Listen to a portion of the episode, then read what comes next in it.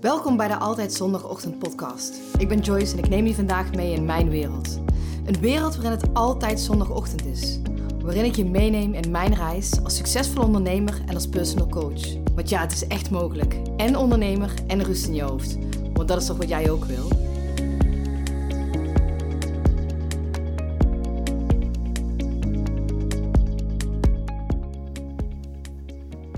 Goedemorgen.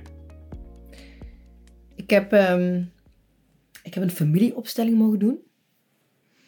En ik weet niet of jullie dat ooit al een keer gedaan hebben, maar ik had het nog nooit gedaan. Uh, dus ik, ik was heel ik, ja, gespannen.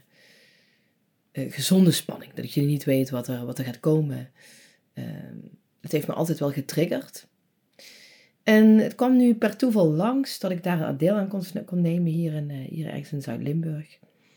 En ik dacht, dit is mijn kans. Dit, ehm, dit lijkt niet op mij voorbij lopen, hier ga ik aan meedoen. Dus ik had me opgegeven en um, degene die het gaf, die, die ken ik redelijk goed. Dus ik, uh, ik had ook meteen in een warm bad ontvangen. Dus ook meteen een hele fijne groep. We waren volgens mij met een man of uh, 13, 14. En ik was een van de vraagstellers. En je hebt dan vraagstellers en je hebt dan mensen die gewoon aanwezig zijn, die je als representant, heet het volgens mij dan, die dan gewoon deelnemen als er een familieopstelling is. En die dan gewoon worden, um, ja, die dan worden ingezet dat zij bijvoorbeeld jouw vader of jouw moeder mogen spelen of iets anders. En um, mijn vraag kwam er als derde. Maar ik werd wel meteen gevraagd bij, um, bij de eerste familieopstelling. En ik mocht daar de partner van uh, degene spelen die, waar de familieopstelling voor was. En het mooie was dat jij dus in een familieopstelling, ook al is die van een ander, ook iets uit kan halen. En die partner van diegene, die nam heel veel verantwoordelijkheid op zich. Misschien zelfs wel te veel. Eigenlijk ook de verantwoordelijkheid van iemand anders. En dat klikte bij mij meteen in die zin omdat ik dat ook heel vaak doe. Ik neem vaak de verantwoordelijkheid van mijn partner over of van andere mensen, van mijn klanten. En het is een valkuil voor mij. En dit was dus al het eerste wat ik uit de eerste familieopstelling mocht halen. Was, ik, ik vond het al super interessant te zien wat er gebeurde, wat er in zo'n uh, ja, in zo'n situatie gebeurt. En toen kwam de tweede familieopstelling. En daarin werd ik gevraagd om degene waar de familieopstelling voor was, om diegene te spelen. En ik voelde in mezelf, oh nee, dit moet ik niet doen. Dit, ik, ik kreeg een knoop in mijn buik en het voelde ook heel zwaar. En ik mocht van mezelf hierin nee zeggen. En dat, dat vond ik een hele mooie overwinning, omdat ik dat... Um, dat is iets waar ik vroeger heel vaak tegenaan liep. Ik zou dat vroeger altijd gedaan hebben om ja, diegene te pleasen, om um, in ieder geval om dat te doen omdat het van mij verwacht werd. En dat heb ik heel, vroeger heel vaak gedaan. Dus ook daarin vond ik weer iets moois. Nou, als derde kwam ik. Ik mocht gaan zitten. En ik had niet echt een vraag. Uh, ik was wel benieuwd naar hoe mijn familieopstelling uh, was of wat, wat het met mij doet. En wat het van invloed had op mijn bedrijf. Mijn business is enorm belangrijk voor mij. Dus ik mocht iemand uitzoeken die mij speelde. Ik mocht dan een matje neerleggen, daar mag je iemand opzetten. Vervolgens koos ik iemand voor mijn vader. Vervolgens koos ik iemand voor mijn moeder. En ik en mijn moeder stonden tegenover elkaar. En het voelde heel vertrouwd.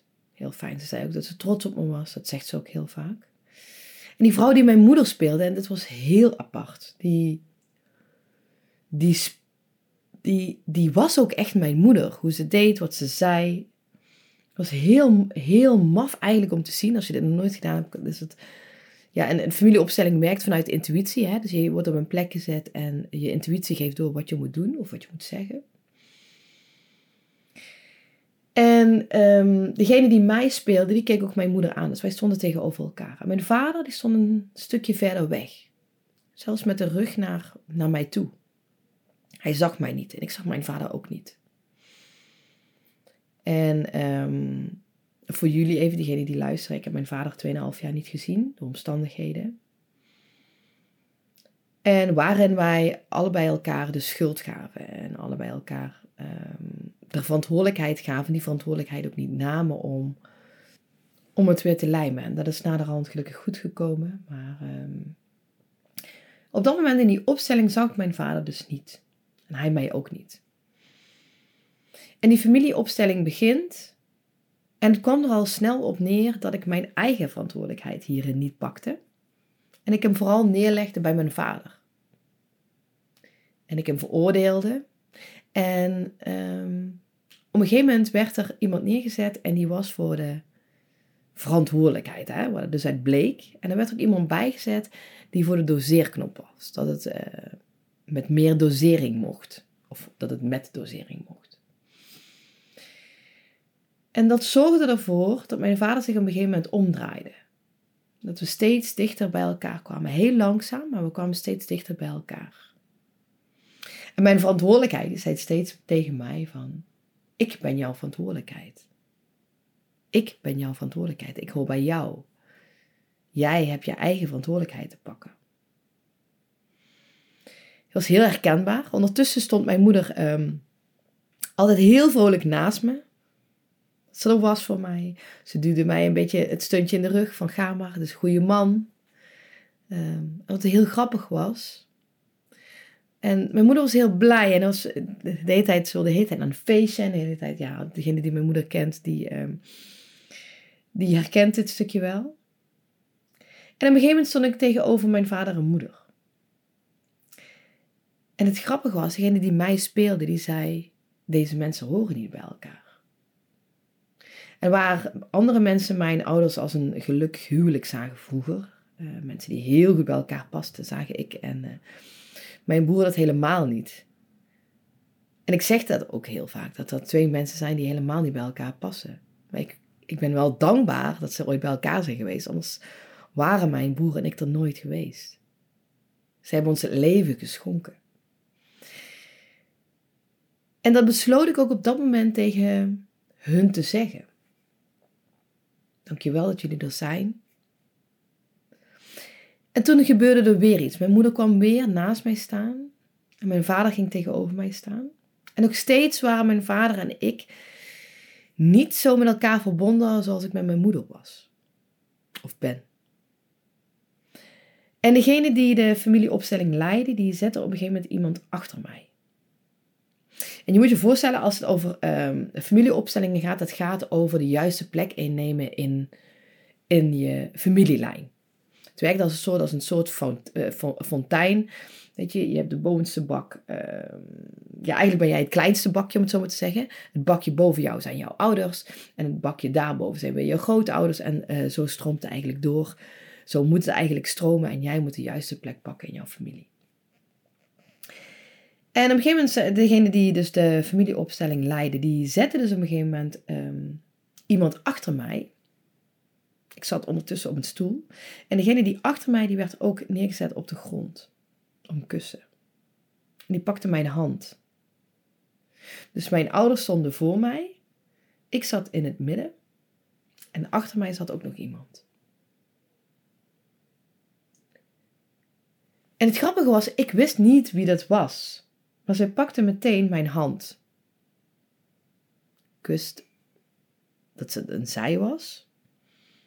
En toen zei degene die, um, die de familieopstelling leidde, zei, dit is waar je het voor doet. Dit is waar je alles voor doet.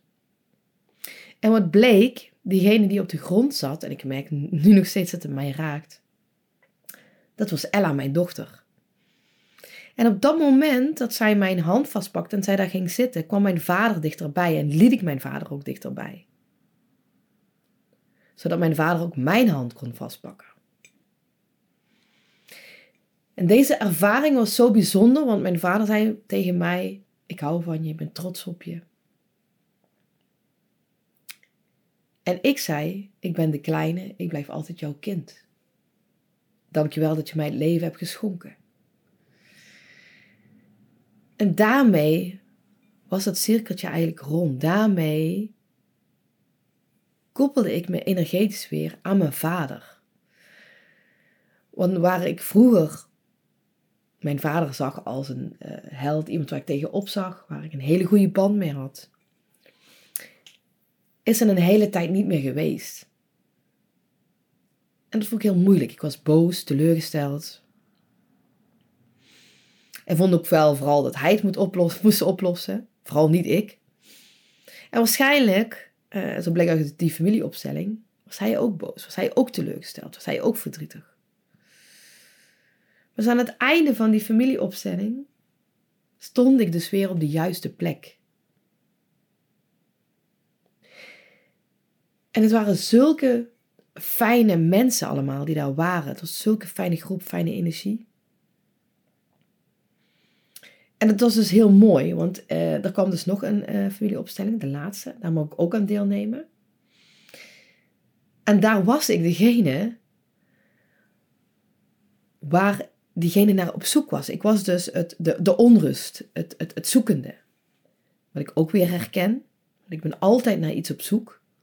Altijd naar iets op zoek dat mij laat stilstaan, dat mij laat groeien. Dat, ehm, dat als ik, als ik uh, in mijn zijn ben, dat ik dan denk dat er niks gebeurt. En er was dus ook iemand die het zijn speelde. Het, iemand zijn. Dus je bent, je bent gewoon. En ik ga niet even te zeer in op de, op de opstelling van diegene, want dat is in dit geval niet belangrijk, maar wel voor mij. Ik wilde de hele tijd bij dat zijn zijn. Maar ik was zelf de onrust. Ik was zelf hetgene waarna diegene op zoek was. En diegene durfde dat ook niet aan te kijken. Dat, dat speelde weer heel erg wat in mijn leven speelde. Ik ben heel vaak op zoek naar die onrust. Ik ben heel vaak op zoek dus daar vond ik, voelde ik ook weer een klik. En wat ik al zei, het was, het was zo'n mooie groep mensen. Uh, het waren allemaal vrouwen. En het klikte allemaal zo enorm met elkaar.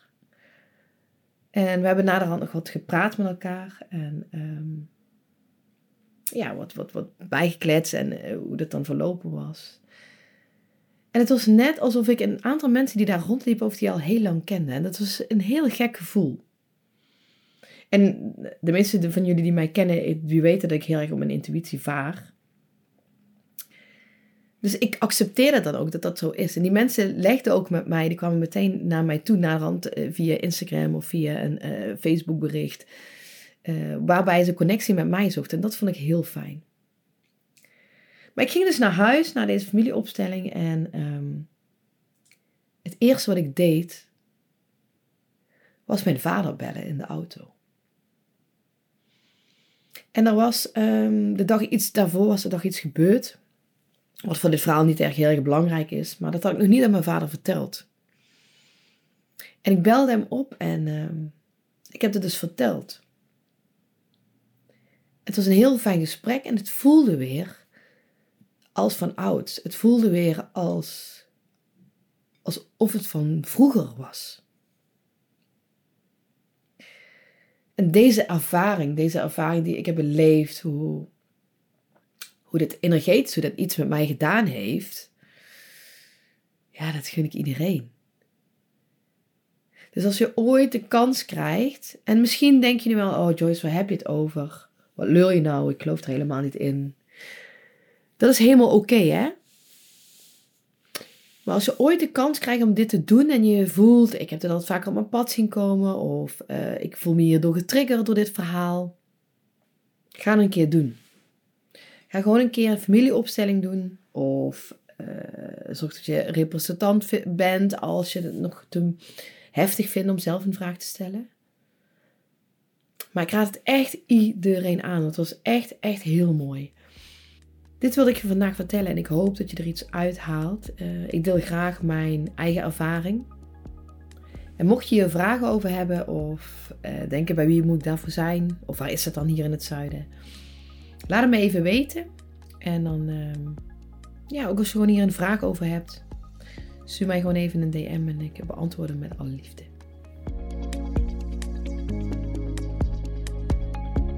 Dankjewel voor het luisteren. Ik spreek je volgende week zondag, want dan is het weer tijd voor een nieuwe podcast. Ik ben benieuwd wat jouw grootste inzicht was voor vandaag.